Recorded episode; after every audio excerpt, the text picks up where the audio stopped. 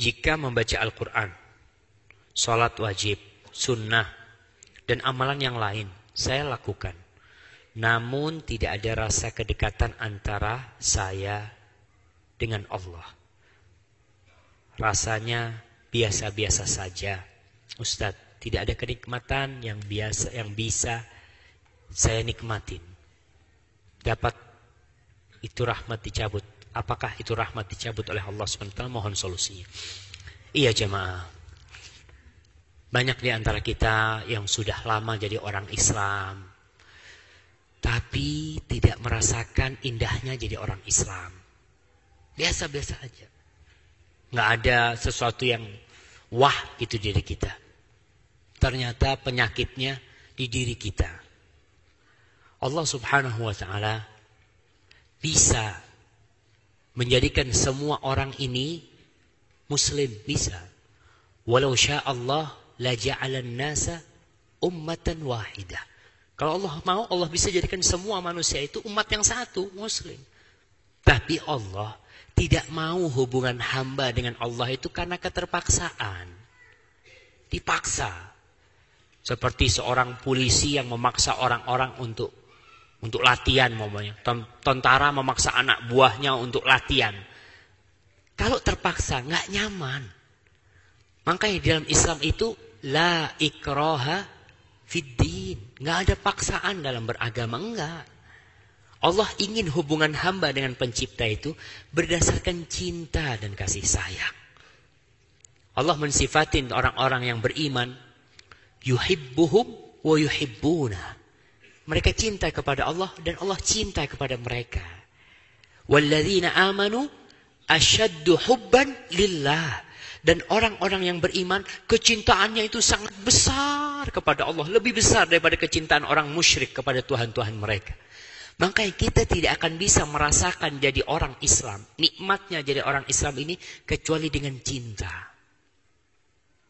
Nabi alaihi wasallam bersabda, "Thalathun man kunna fi wajada bihinna halawatal iman." Ada tiga hal yang apabila tiga hal ini ada di diri hamba, niscaya dengan tiga hal itu dia akan merasakan manisnya beriman. Manisnya solat. Solat itu seperti Nabi wasallam solat. Nabi mengatakan kepada Bilal apa? Ya Bilal, arih Nabi salah. Wahai Bilal, bikin kita beristirahat dengan solat. Kebanyakan orang, kalau selesai solat baru istirahat. Oh, Alhamdulillah sudah solat saya. Seakan-akan solat itu beban yang ada di diri dia. Ketika masuk waktu sholat lagi, beban itu datang lagi buat dia. Aduh, eh sholat, sholat. Kenapa? Iya, kalau sudah sholat tuh kayak nggak ada beban di diri kita. Karena buat dia jadi beban. Maka orang yang seperti ini tidak akan merasakan nikmatnya sholat itu sendiri. Ketika dia sholat yang ada di harapannya, bagaimana imamnya bacaannya nggak panjang. Imamnya baca, Tabarakalladzi biyadihil mulk wa huwa ala kulli syai'in qadir. Aduh, panjang banget.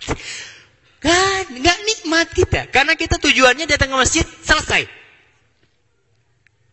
Kalau ingin merasakan nikmat itu, yang pertama, kata Rasulullah SAW, Allah wa rasuluhu ahabba ilahi mimma siwahuma. Dia menjadikan Allah dan Rasulnya lebih dia cintai dari segala-galanya. Dia mencintai Allah dan Rasulnya lebih dari istri dia sendiri. Lebih dari jiwa dia sendiri. Lebih dari apa aja yang ada di muka bumi ini. Kalau kita sudah melakukan itu, kita baru akan merasakan. Kita melihat bagaimana orang yang senang dekat sama pejabat. Dia ke mana-mana dampingin pejabat. Ya, atau sama orang kaya lah. Ditanya, ente mau ke rumahnya Fa? Rumahnya Fulan kata dia. Ente kok seneng banget ke rumah Fulan ya? Ya gimana gak seneng anak ke sana kata dia. Anak kalau ke tempat dia itu pulang mesti bawa duit, kata dia. Dikasih duit, makan enak. Di sini, dia merasakan berangkatnya dia ke rumah fulan, suatu kenikmatan, bukan beban. Tapi coba dia berangkat ke rumahnya fulan karena perintah, eh ente ke sini. Aduh, kata dia, capek ini itu. Tapi ketika dia lihat, enggak, orang ini orang baik. Yang bikinkan rumah anak dia. Kemudian yang menyekolahkan anak-anak semuanya dia. Kemudian yang tiap bulan memberikan santunan kepada dia. Terus ente ke rumah dia, ya senenglah anak sama dia, cinta sama dia. Maka coba tumbuhkan cinta kepada Allah taala. Jadikan Allah lebih kita cintai daripada tempat kerja kita. Ketika ada dikumandangkan hayya 'ala shalah, hayya 'ala falah, ya Allah. Sehingga orang yang beriman itu hatinya bergantung di mana? Di masjid, Bukan di pasar. Tubuh dia silahkan. Tubuh dia di mana saja berada. Dia di pasar, dia di tempat kerjanya, dia di jalan. Tapi hatinya bergantung di masjid.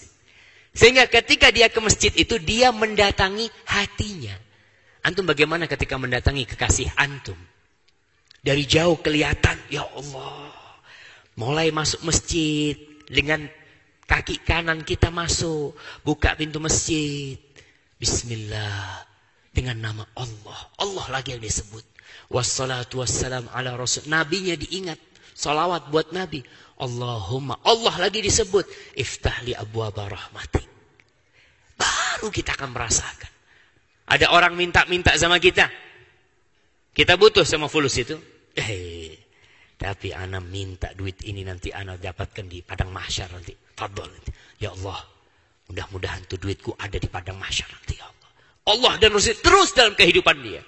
Jalan naik mobil Allah yang diingat. Turun mobil Allah.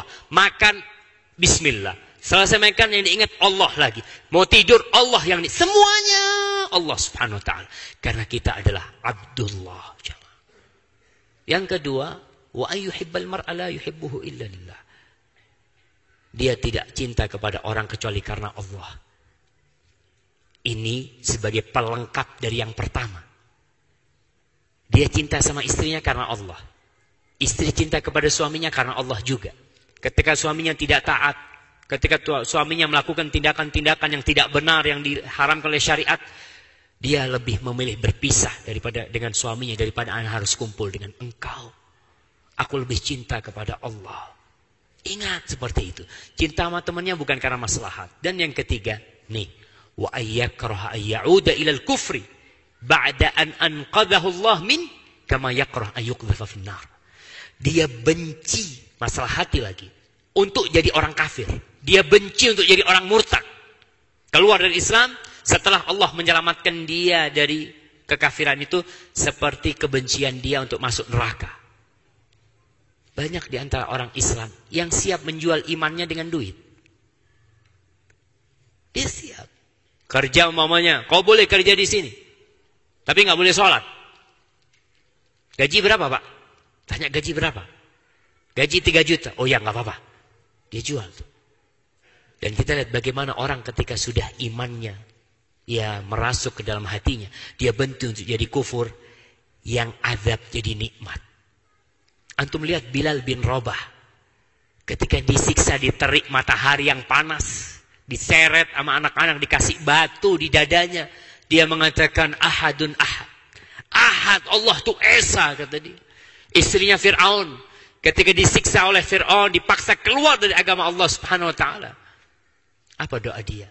Robbi. Robnya yang diingat. Dia mau disiksa, mau diapain, terserah. Robbi. Ibnili indaka baitan fil jannah. Semuanya Allah yang ini. Ya Allah aku, tolong kau bangunkan buat aku di sisimu rumah di surga Allah subhanahu wa ta'ala. Tapi kita kadang kala tadi, kita lebih ke dunia. Kita ya harus belajar lebih dalam lagi tentang rahmat Allah Subhanahu wa taala, pelajari lagi belajar tentang Asmaul Husna. Insyaallah itu akan membuat kita lebih mencintai Allah Subhanahu wa taala. Ma'asyiral muslimin rahimakumullah. Semoga ini masih banyak pertanyaan tapi di sini tertulis intahal waqt. Di sini tertulis waktunya tinggal 15 menit. Yang mana yang benar Ustaz? Hah? Tapi udah habis waktu ya jamaah. Alhamdulillah anak bersyukur bisa berjumpa dengan antum di sini.